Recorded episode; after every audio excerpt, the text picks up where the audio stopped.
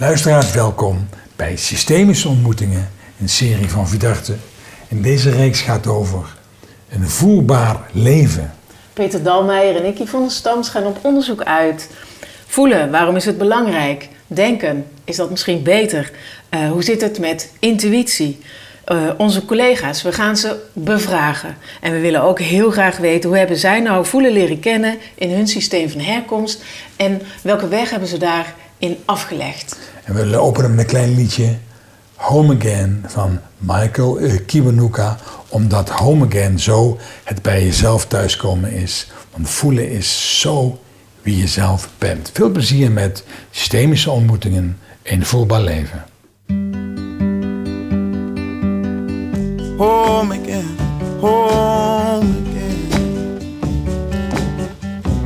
One day I know I feel home again. Home again, again. One day I know I feel again. Ja, inderdaad, luisteraars. Een nieuwe aflevering van een voelbaar leven. In dit geval ben ik nu al lekker ontspannen omdat Huub bij me zit. Huub de Haar bij ons zit, Yvonne. En uh, ik heb ook, ook ooit een keer bij Huub uh, op de massagebank mogen liggen en daar heerlijk ontspannen. Huub, welkom. Huub de Haar, welkom in deze aflevering van Invoerbaar Leven. Ja, lichaamsgerichte therapeut. Zeker. Theoloog en schrijver van verschillende boeken. En zijn laatste boek heet uh, Lijfkracht. En daarmee is hij ook op tournee met iemand anders die wij gesproken hebben Bram in de podcast. Bakker. Ja, Bram Bakker. Maar ook Saskia de Bruin. Zeker zijn samen op tournee rondom uh, uh, problemen die je kunt ervaren in het lijf en om het lijf. En Huub, ik vind het leuk om jou veel aan het woord te laten, omdat je van die, van die voor mij mooie, ja, beeldende woordenschat hebt die zo uitleggen waarom het lijf ertoe doet. Dus luisteraars, ga er lekker voor zitten of ga lekker met de hond wandelen en luister naar Huub. Hier komt hij. Huub, invoerbaar leven. Als we dat zo zeggen, wat, wat roept het dan jou op? Ja, dat is een vraag waar ik wel uh, uren over kan spreken.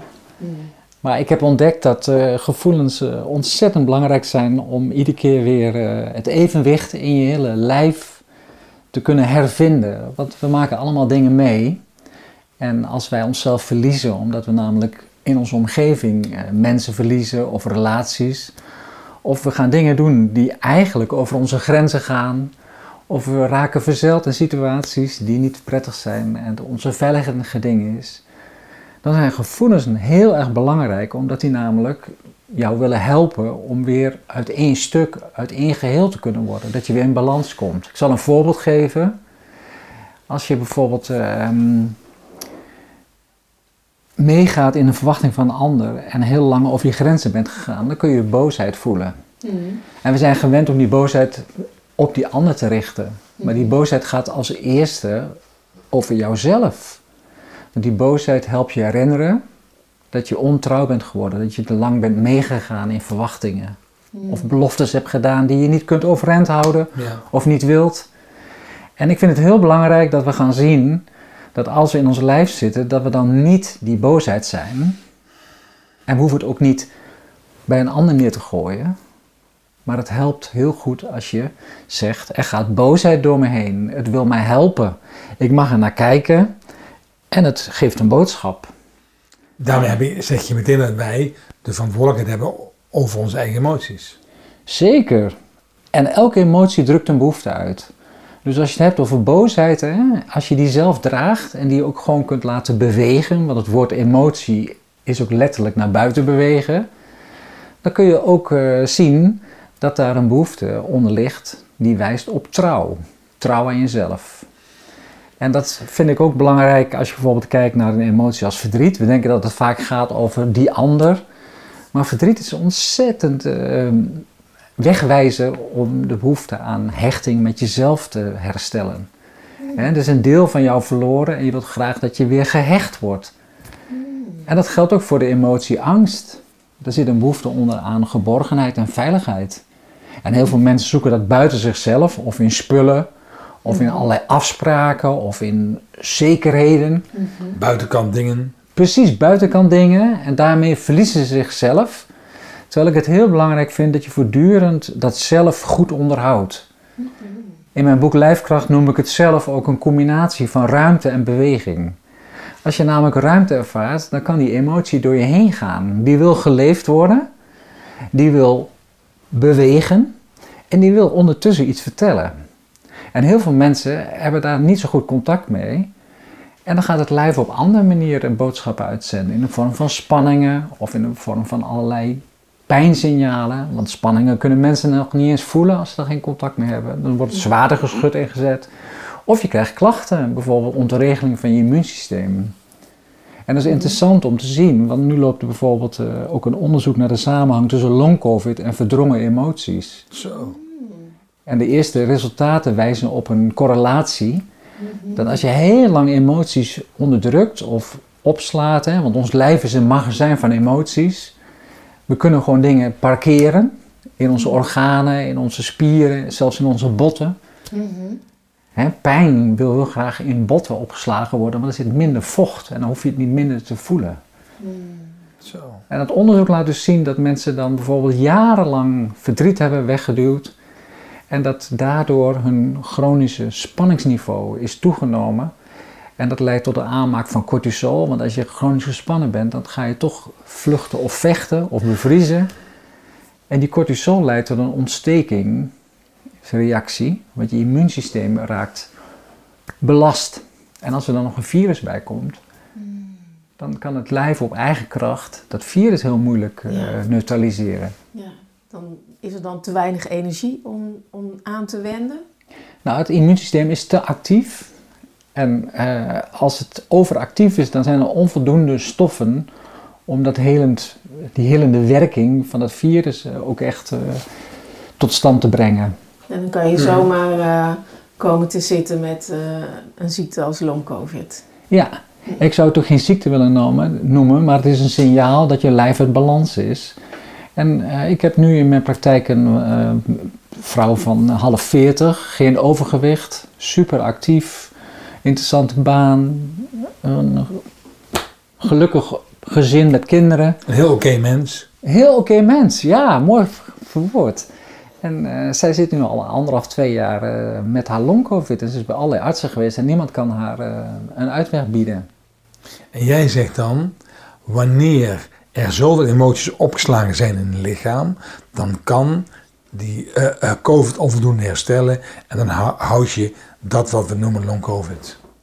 Ja, je hebt een chronisch spanningsniveau in je lijf en dat leidt tot een ontstekingsreactie. Ja. En die ontstekingsreactie die uh, zorgt ervoor dat je dus eigenlijk onvoldoende rust krijgt in je immuunsysteem. En dus het helend vermogen van je lijf is dan minder. Ja. Mhm. Want het lijf heeft van zichzelf een ontzettend sterk helend vermogen. Mhm. Maar dan moet je wel kunnen ontspannen. Ja. In mijn visie is lichaamsbewustzijn, dat je met je aandacht in je lijf bent, zo belangrijk omdat dat namelijk de voorwaarde is om tot heling te komen. Ja. Hmm. Lichaamsbewustzijn. Heb jij van huis uit uh, dit, dit meegekregen, lichaamsbewustzijn? Absoluut niet. Nee? Nee, ik kom van een kleine boerderij uit de binnenlanden van Twente als jongste van tien kinderen. En er was veel schaamte rond uh, lichamelijkheid. Seksualiteit en intimiteit was uh, eigenlijk iets wat niet bestond. Mm-hmm. En uh, de situatie waarin ik opgegroeid ben was al heel vroeg onveilig. En dat had verschillende redenen. En wat je dan gaat doen is, je proberen ontzettend ehm, te richten op je omgeving om alsnog die veiligheid en die hechting uh, te organiseren. Dus ik heb heel vroeg geleerd om uh, situaties in te schatten, scherp te kijken en daar ook mijn gedrag op aan te passen. En ik was heel goed in het controleren van andere mensen. met vragen stellen kun je mensen controleren, want jij stuurt dan het gesprek. Jij bepaalt dan de mate van afstand. Maar het gevolg was wel dat ik na vele jaren later in Nijmegen met een cognitieve studie en heel veel um, Was je toen met uh, the theologie bezig? Ja, dus die deed ik theologie in Nijmegen, want ik was dus uh, Twente en de boerderij uh, ontvlucht, omdat ik dacht dat ik daar niet de strijd van angst en verlangen een bedding zou kunnen geven. En die heb ik dus in Nijmegen proberen te vinden. Maar daar raakte ik nog meer uit balans, omdat ik heel cognitief werd opgeleid. Maar ook kwam toen aids op, want ik val op mannen en dan uh, is dat ook iets wat heel dreigend kan zijn. Mm -hmm. We hebben het over halverwege jaren tachtig, ja. die onbekende homoziekte. Ja. Nou, dat maakt ook uh, angstig. Ja.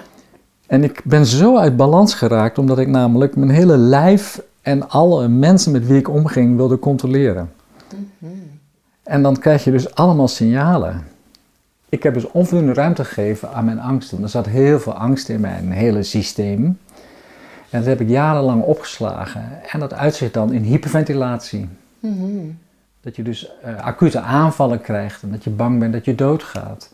Maar ook fobische angsten. Dat je dus meer dan twee uur per dag bezig bent met kom ik die brug wel over?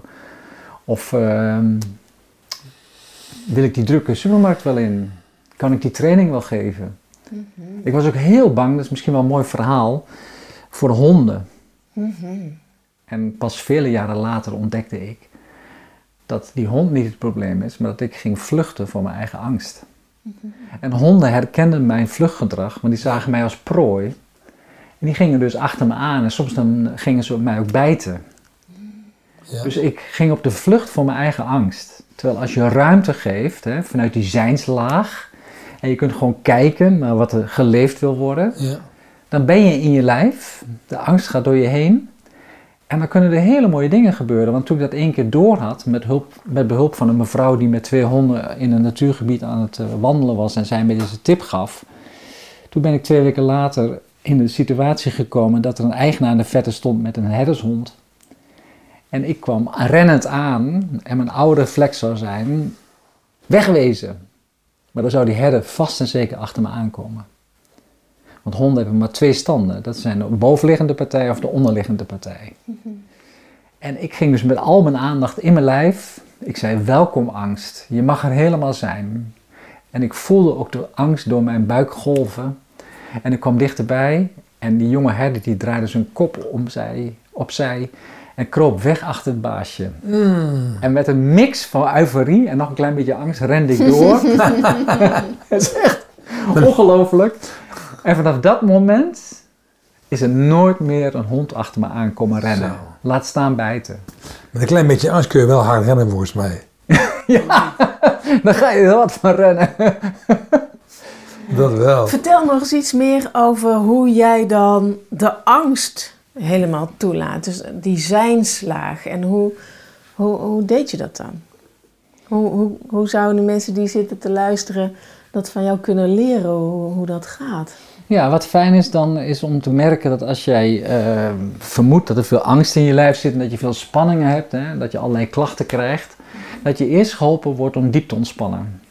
Ah, je moet wel ook leren diep ontspannen. Ja, want als je diep ontspant, dan kun je namelijk toeschouwer worden van je gedachten, beter toeschouwer worden, ook van je emoties en van je gedrag. Er komt een beetje zo afstand tussen wat je allemaal uh, denkt en voelt. En doet. En doet. Ja. En dat kan op verschillende manieren. En de manier die ik in mijn praktijk uh, vaak uh, inzet is mensen op een hele intuïtieve manier aanraken, mhm. zodat ze kunnen zakken, dat ze helemaal hun gewicht gaan voelen en dat ze in een situatie komen tussen bewustzijn en slaap. Mhm. Want als ze dat namelijk gaan ervaren, dan merken ze dat die spanning waar ze zoveel last van hadden, verdwijnt.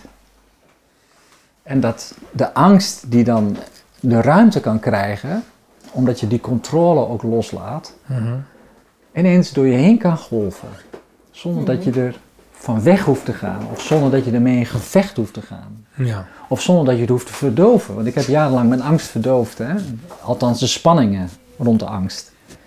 Ik dronk elke dag een halve tot een hele fles wijn. En dat uh, is natuurlijk niet echt bevorderlijk voor je gezondheid. Mm-hmm. En op het moment dat je dus uh, merkt dat die angst door je heen golft, dan gebeurt iets heel bijzonders. Want ook als je niet aangeraakt wordt, dan verdwijnt de spanning. Mhm. Als een gevoel, een emotie ruimte krijgt en kan bewegen. En, en heeft de spanning haar werk gedaan. Want de spanning is een wegwijzer. Kom naar binnen. Geef mij ruimte. Ah. Zie deze plek. En kijk eens wat er onder die spanning zit.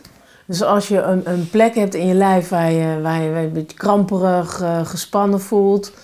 dan, uh, dan kan je daar juist met heel veel aandacht naartoe gaan. Uh, hoor, hoor, ik jou dan, dan, dan, goed? Ja, zonder intentie. Je mag er alleen maar bij zijn, welkom heten, onderzoeken. In plaats van dat je gaat stretchen of uh, ja, iets, en ook niet, iets anders doen. Heel veel mensen doen ademhalingsoefeningen, maar dat doen ze dan vanuit hun hoofd met de mhm. intentie, het moet weg.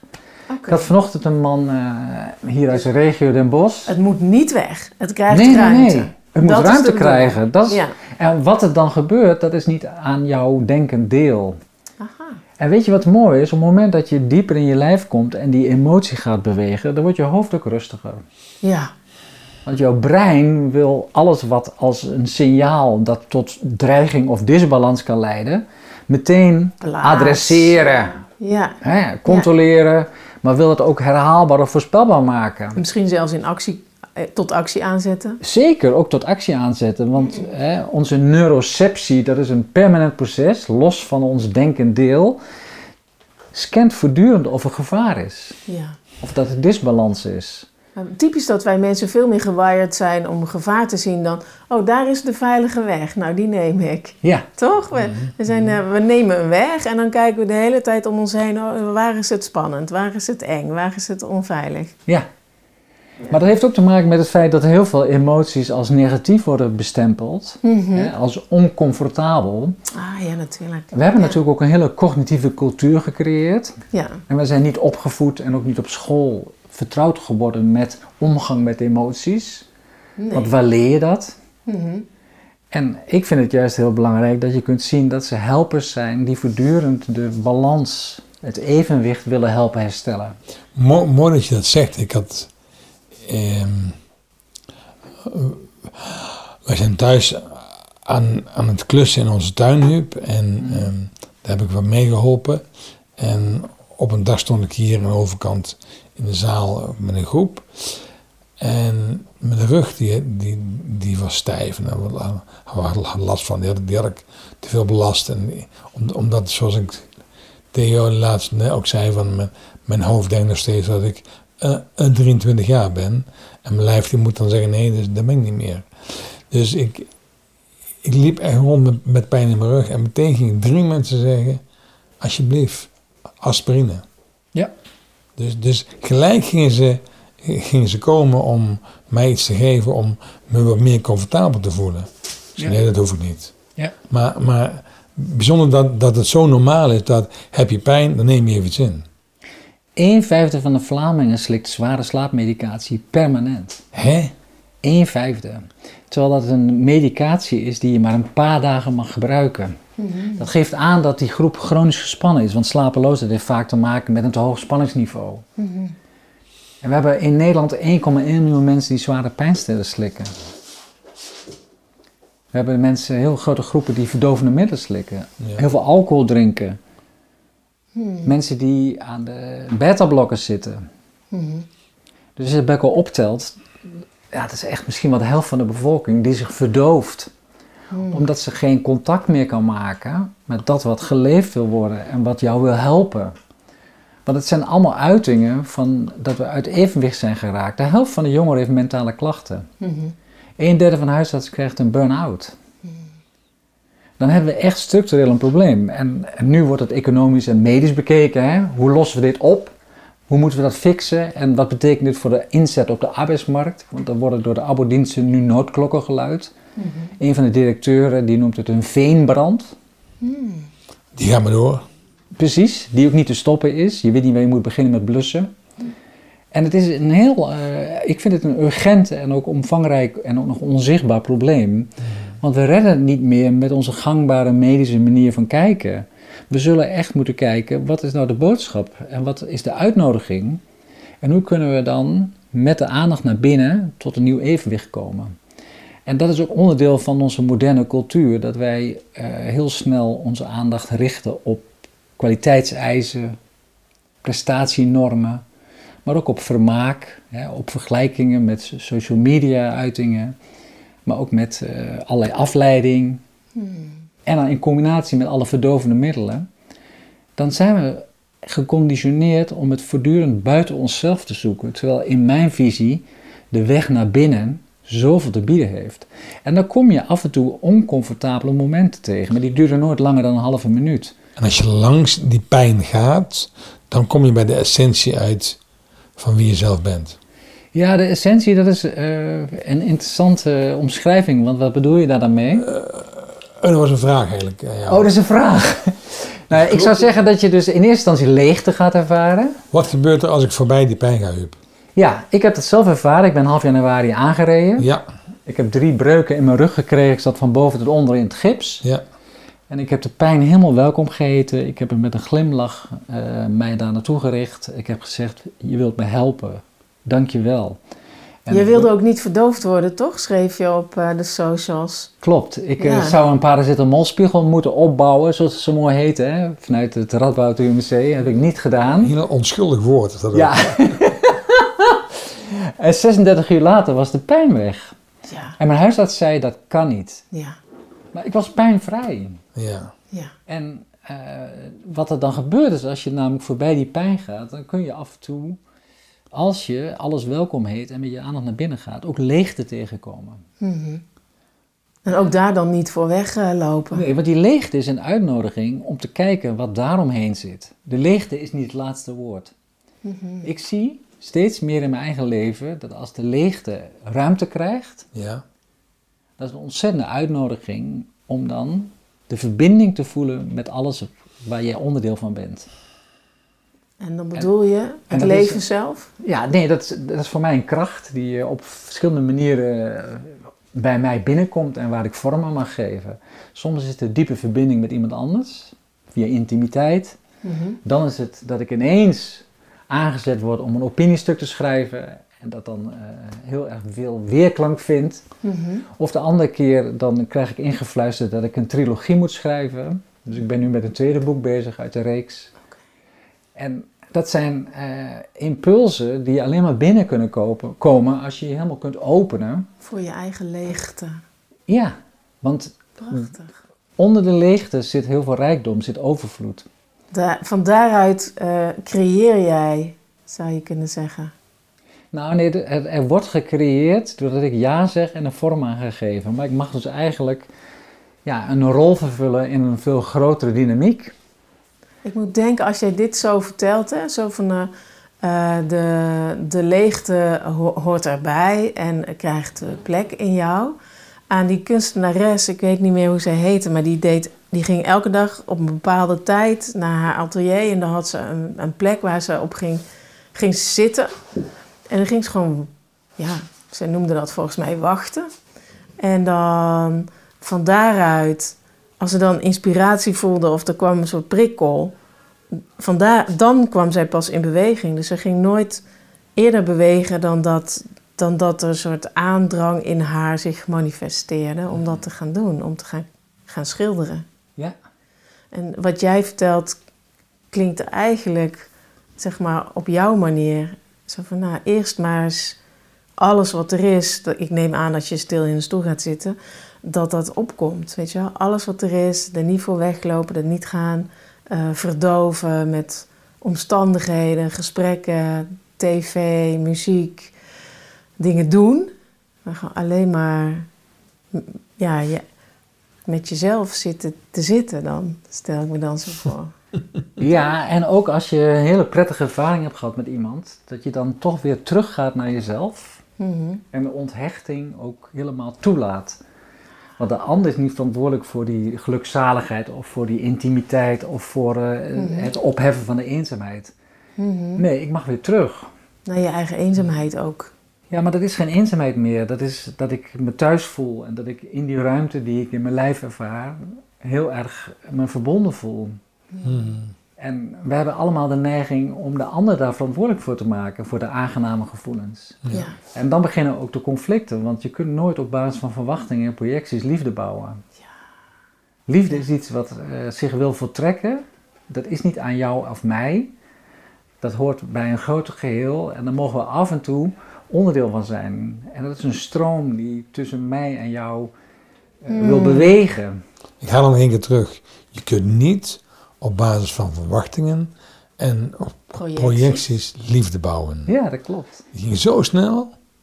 Ja, maar dat is wel mijn ervaring. Maar en achteraan zei hij nog iets mooiers, vond ik zelf. Liefde is, uh, hoort bij een groot geheel wat tussen jou en de ander wil bewegen. Ja.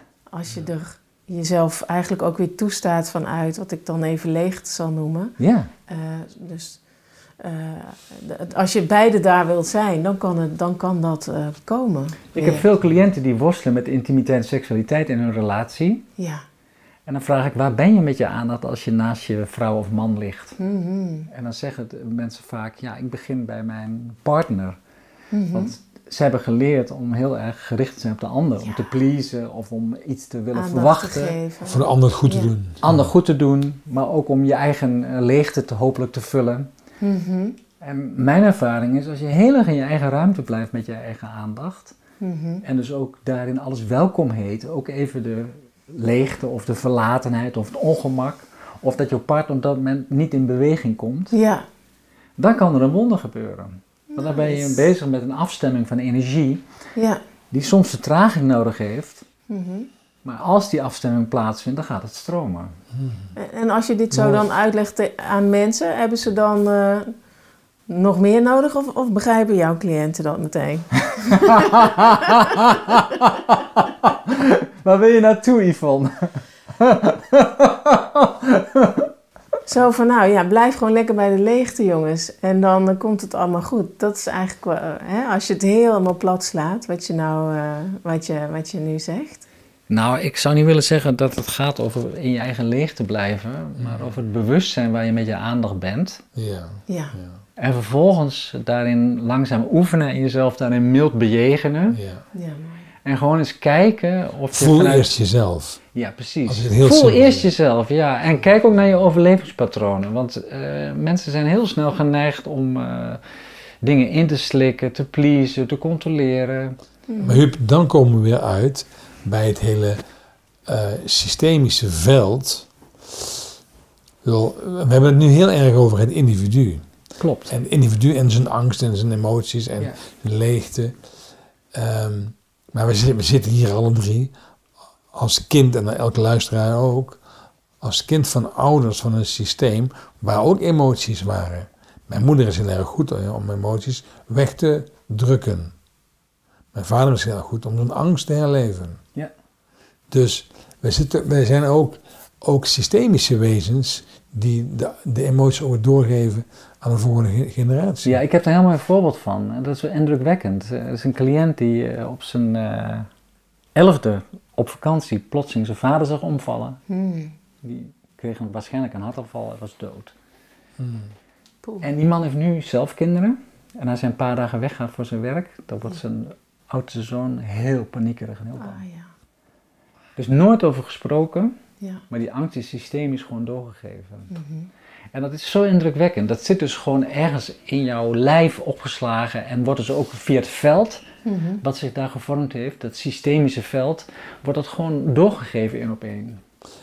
En wat doe je met dat veld, Huub, als, als, als, als je één op één met mensen werkt? Nou ja, ik wil ook even nog eh, aangeven dat het soms niet eens zo dramatisch hoeft te zijn. Want Gabor Maté, die heeft ook, eh, de Hongaarse arts en Ja. traumatherapeut, heeft ook aangegeven dat heel veel mensen bijvoorbeeld emotioneel niet goed ontwikkeld zijn door hun ouders. Omdat die ouders bezet waren of trauma's hadden of eh, niet in staat waren om met gevoelens om te gaan. Hè? Want dat is ook een vaardigheid. Dat Ja. vraagt ook bewustzijn maar, en ook een vaardigheid. Ja. En vocabulaire. En vocabulaire ook, ja, zeker. Ja. Nou, wat ik dan doe is duidelijk maken dat de bevrijding niet ligt in het opheffen van het trauma. Dat is niet waar het om gaat, maar om ruimte te geven aan de emoties die daaromheen jou willen helpen om weer heel te kunnen worden. Waardoor je ook de overtuiging die je van je ouders meegekregen hebt, moet doorbreken. Precies. Het gaat dus ook over het inzicht in de overtuigingen. Dat je dus bijvoorbeeld eh, zegt: ik mag nooit verdrietig zijn, hè, of ik mag niet gespannen zijn. Sterk zijn moet ik. Precies. Of doe niet zo emotioneel. Ja. Dat is ook zo'n mooie overtuiging. Of niet zo flauw. Ja, niet zo flauw. Doe niet Doe zo niet zo flauw. flauw. Dat is één uit mijn jeugd. Eh, Doe normaal. Doe niet zo ja, kinderlijk. Doe niet zo kinderachtig, doe niet zo flauw. Niet aanstellen. Ja, ja, precies. inderdaad. Ja, hier heb je een snoepje. Dan komt het wel goed. Ja. Bek en door. Nee, maar als je dus uh, bijvoorbeeld heel veel angst in jouw systeem hebt doorgegeven gekregen, mhm. dan is het de kunst dat die angst alle ruimte krijgt. Ik lig wel eens avonds in bed dat die angst echt door mijn buik golft. Mhm. En dat ik dan denk, waar komt het allemaal vandaan? Maar dat is een rationele vraag. Mhm. Angst is er, wil bewegen en gaat ook altijd weer weg.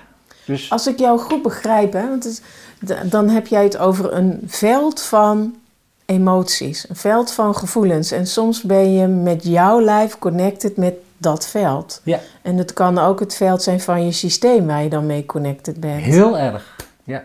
Mm En zeg je daarmee, Huub, ook dat wanneer wij als ouders of een generatie emoties doorgeven aan de volgende generatie, dan komt dat omdat we die zelf niet goed doorleefd hebben, omdat we die zelf niet goed door ons lijf hebben laten gaan.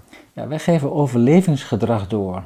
Ja. En overlevingsgedrag rond een wond. Mhm. We maken allemaal uh, dingen mee die tot een wond kunnen leiden. Ja. En het overlevingsgedrag leidt tot het omzeilen, het compenseren, het verdoven, het ontkennen, mhm. het overrulen van die helpende emotie. Ja. Als jij eh, ruimte geeft aan het verdriet, op wat voor manier dan ook, dan kom je in het reinen, dan kom je in balans. Want we verliezen elke dag allerlei dingen om ons heen. En de kunst is dat we dat voortdurend zien en daar, omdat we met onze aandacht weer teruggaan naar ons lijf, ook ruimte aan kunnen geven. Verdriet wil bewegen, mhm. wil helen. er zijn mensen die bijvoorbeeld uh, rugpijn hebben en niet in de gaten hebben dat ze al 40 jaar hun verdriet onderdrukken. Mm Ter hoogte van je hart kan heel veel verdriet zitten. Mhm. En het zit dan tussen de schouderbladen. Ik heb een cliënt gehad, ik heb hem twee keer eh, mogen begeleiden. We hadden al een aanloopje gehad. En toen kwam het verdriet naar boven. Een man van half vijftig.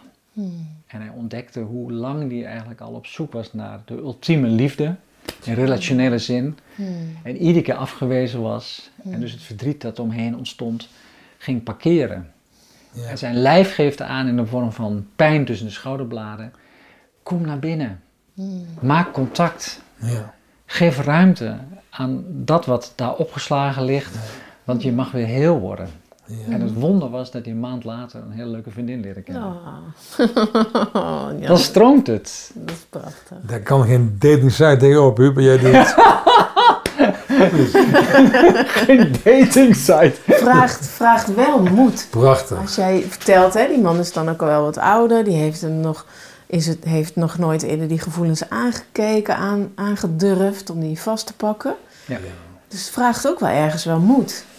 Ja, ik ga vaak ook eh, aan eh, cliënten als ze op tafel liggen en ze hebben die drempel overwonnen, want het is ook kwetsbaar. Je, je verliest de controle, je weet niet wat er gaat gebeuren, wat er allemaal naar boven komt, zoals mensen dat vrezen. Mhm. Dan zeg ik, als ze gaan liggen en ze zijn mooi afgedekt, je mag als eerste een compliment aan jezelf geven.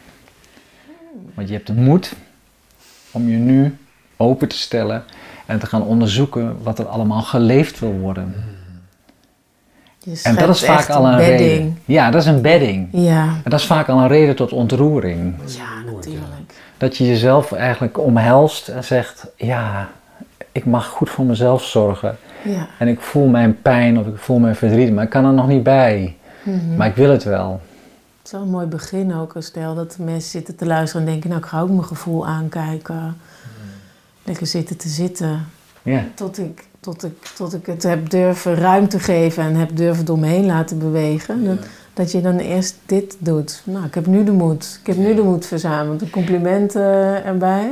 En de bevrijding is dat je dus ook in de gaten krijgt dat je niet die emotie bent. Want heel veel mensen die laten zich voorstaan op een angst of een boosheid. Hmm.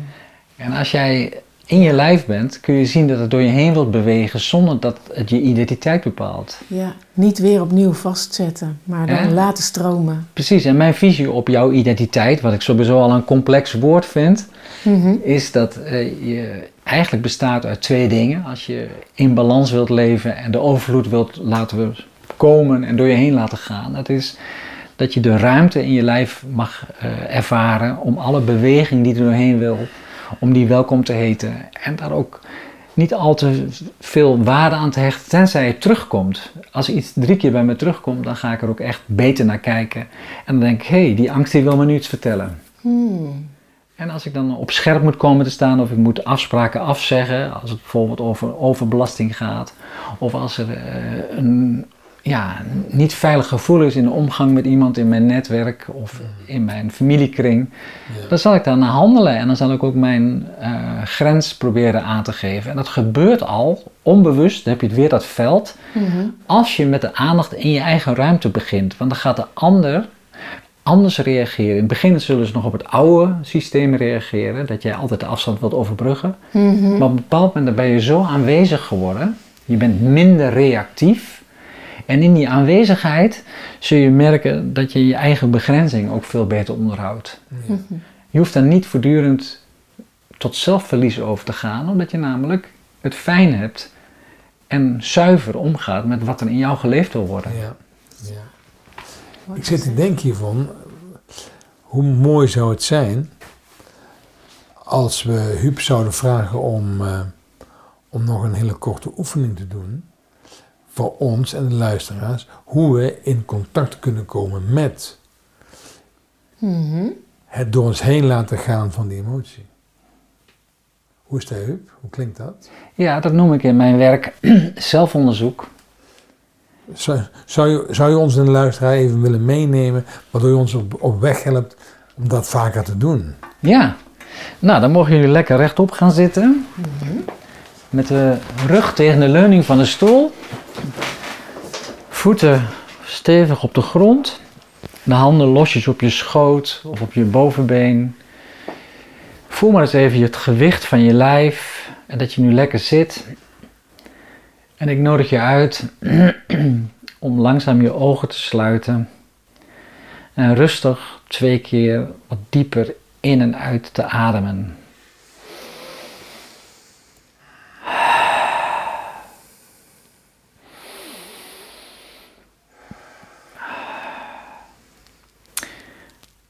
En we gaan over tot een kleine ontdekkingsreis, een zelfonderzoek. En met een zekere verwondering en zonder dat er iets veranderen moet, mag je de aandacht nu naar binnen richten en rustig rondkijken. Wat er geleefd wil worden, wat om aandacht vraagt. En daar hoef je niks van te vinden, het is er of het verdwijnt weer. En als er niks is, is het ook goed. En kijk maar eens rustig rond in je hoofd. Hoe het daar nu is. Is het daar vol? Is het daar druk? Misschien is het wattig. Of is er iets van spanning? Of tintelt het? Of is je hoofd helemaal rustig? Het is allemaal welkom. En kijk ook eens rond je hoofd. Misschien kun je daar iets waarnemen. Sommige mensen die ervaren dan uh, wolkerigheid. Of ze horen iets. Helemaal welkom.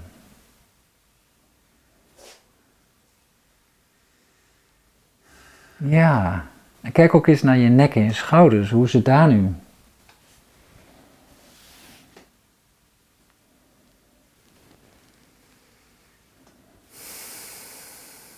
Is er een verschil tussen links en rechts? Neem je iets waar? Is er spanning of voelt het ruim? Of zit er druk op, gewicht?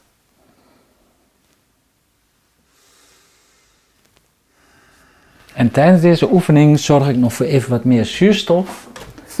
Want die is hier een beetje benauwd. We krijgen wat frisse lucht. We moeten altijd als eerste goed voor onszelf zorgen. Dus dat is nu gelukt. En dan mag je nu ook met de aandacht naar je borststreek. Kijk maar eens hoe het daar is. Is er ergens iets dat om aandacht vraagt?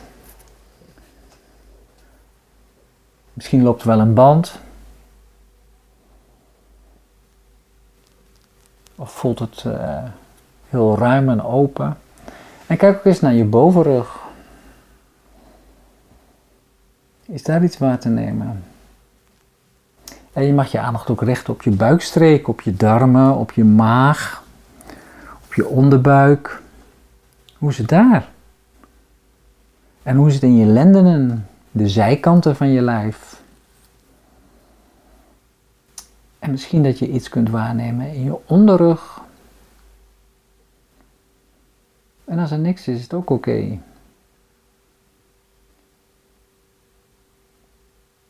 En hoe is het in je heupen- en bekkengebied?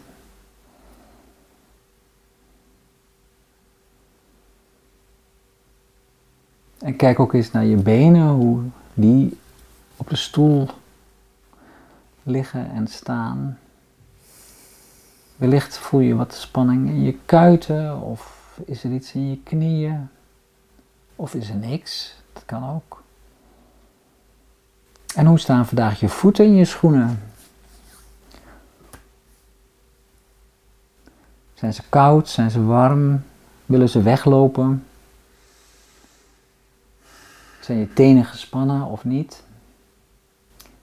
En tot slot mag je ook kijken naar je armen en je handen. Hoe hangen en liggen die?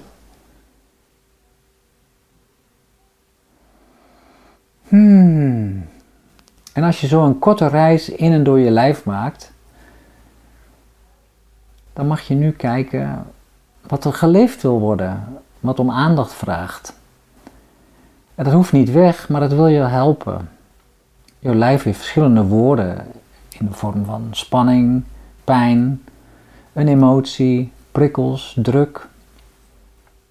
En het mooie is, als je daar naartoe gaat met je aandacht, en dat kun je oefenen, dan zul je merken dat daar ruimte in ontstaat. Dat het tot leven komt en dat het je iets wil vertellen. Dus ik nodig je nu uit om één plek uit te kiezen die om aandacht vraagt. En die plek, als die bereikbaar is, dan mag je nu een hand op gaan leggen. En kijk maar eens of je contact kunt maken met die plek van je lijf. En onderzoek maar eens nieuwsgierig wat er eventueel onder die hand waar te nemen is. Heet het welkom. Laat het er zijn. En kijk ook of er iets verandert. In de temperatuur of in de intensiteit. Misschien beweegt het.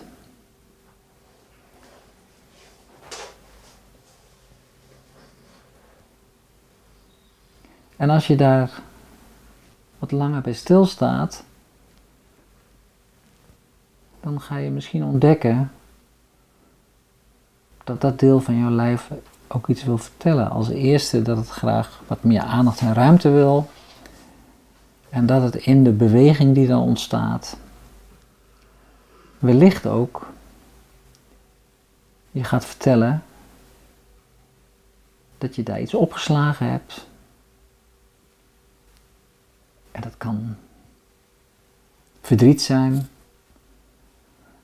wat je geparkeerd hebt. En dat verdriet wil helpen om weer de hechting met jezelf te versterken. Het kan ook angst zijn, vooral in je buikstreek.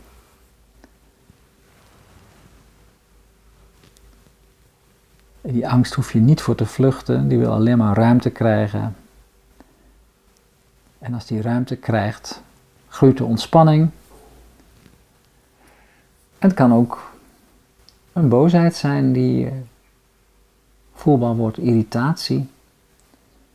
En dan mag je kijken waar je zelf ontrouw bent geworden. Dat je iets hebt beloofd wat je niet wilt. Of dat je A doet en B wilt. Of dat je je ruimte hebt weggegeven. En dit is een hele korte oefening, maar als je die vaker doet,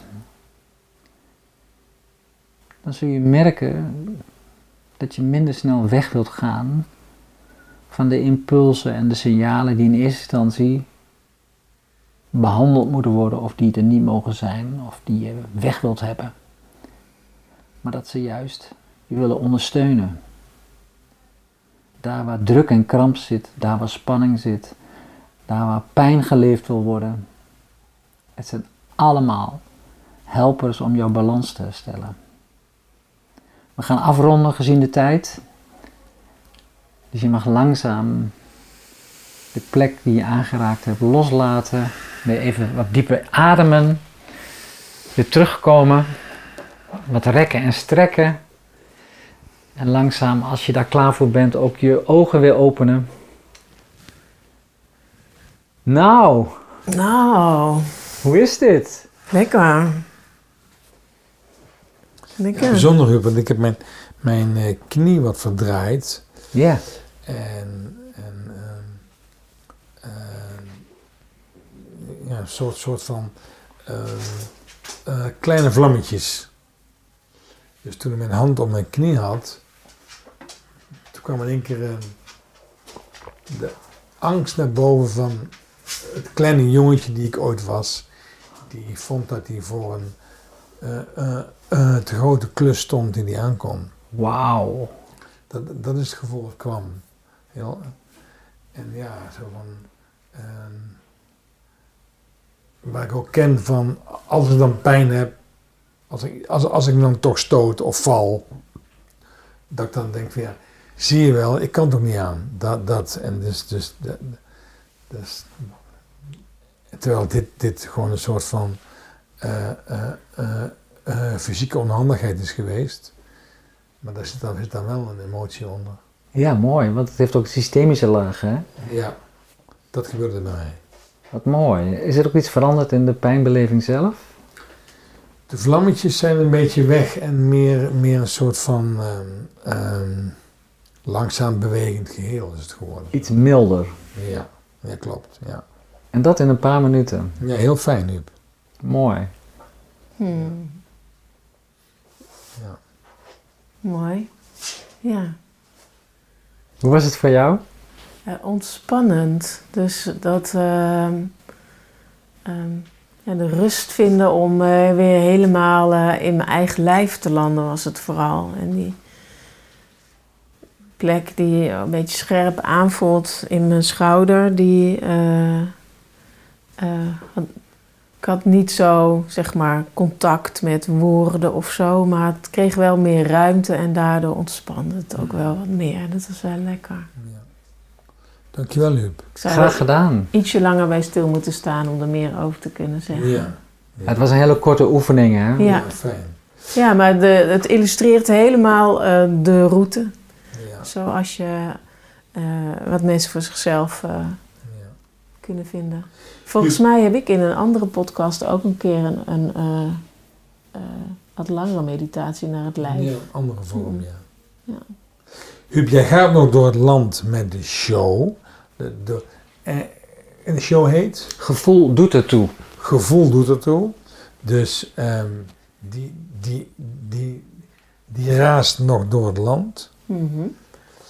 En jouw boek is ook nog steeds uh, te koop in de handel. Lijfkracht. Lijfkracht. Sleutel. Beschrijf je dit, hè? Sleutel tot ontspanning, heling en ruimte. Ja. En jij bent ook nog in Nijmegen beschikbaar als mensen het live willen voelen, dus dat kan allemaal nog. Ja, mensen mogen wel iets dichter bij Nijmegen wonen, want ik heb nu een wachtlijst. Tjonge, jongen. Maar als mensen verder weg zijn, mogen ze wel contact met me opnemen en dan geef ik een lijst met hele goede collega's in het land. Mm -hmm. Dus ik ben, elke vraag wil ik graag beantwoorden. Dus iedereen is welkom. Zou je nog met een one-liner willen afsluiten, Huub? Uh, de one-liner voor vandaag is dat uh, gevoelens uh, een schat aan rijkdom in zich hebben. Als je ze niet te groot maakt en ze in beweging houdt en ze bij jezelf houdt. Mm -hmm. Daar laten we het bij. Dankjewel, Huub. Dankjewel, Huub. Huub de Haar, dankjewel. Graag gedaan. Dit was weer een aflevering in het kader van Invoerbaar Leven. Luisteraars, uh, zoek je angst op, zoek je verdriet, zoek je boosheid op. Want de rijkdom die daaronder ligt, doet wonderen. Tot de volgende aflevering. Dankjewel. Home again, home again. One day I know I feel home again. Wrong again, wrong again. One day I know I feel strong again. I lift my head.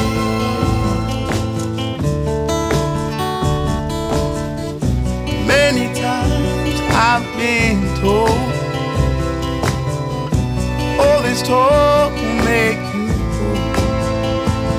So I'll close my eyes, look behind, moving on, moving on. So I'll close my eyes, look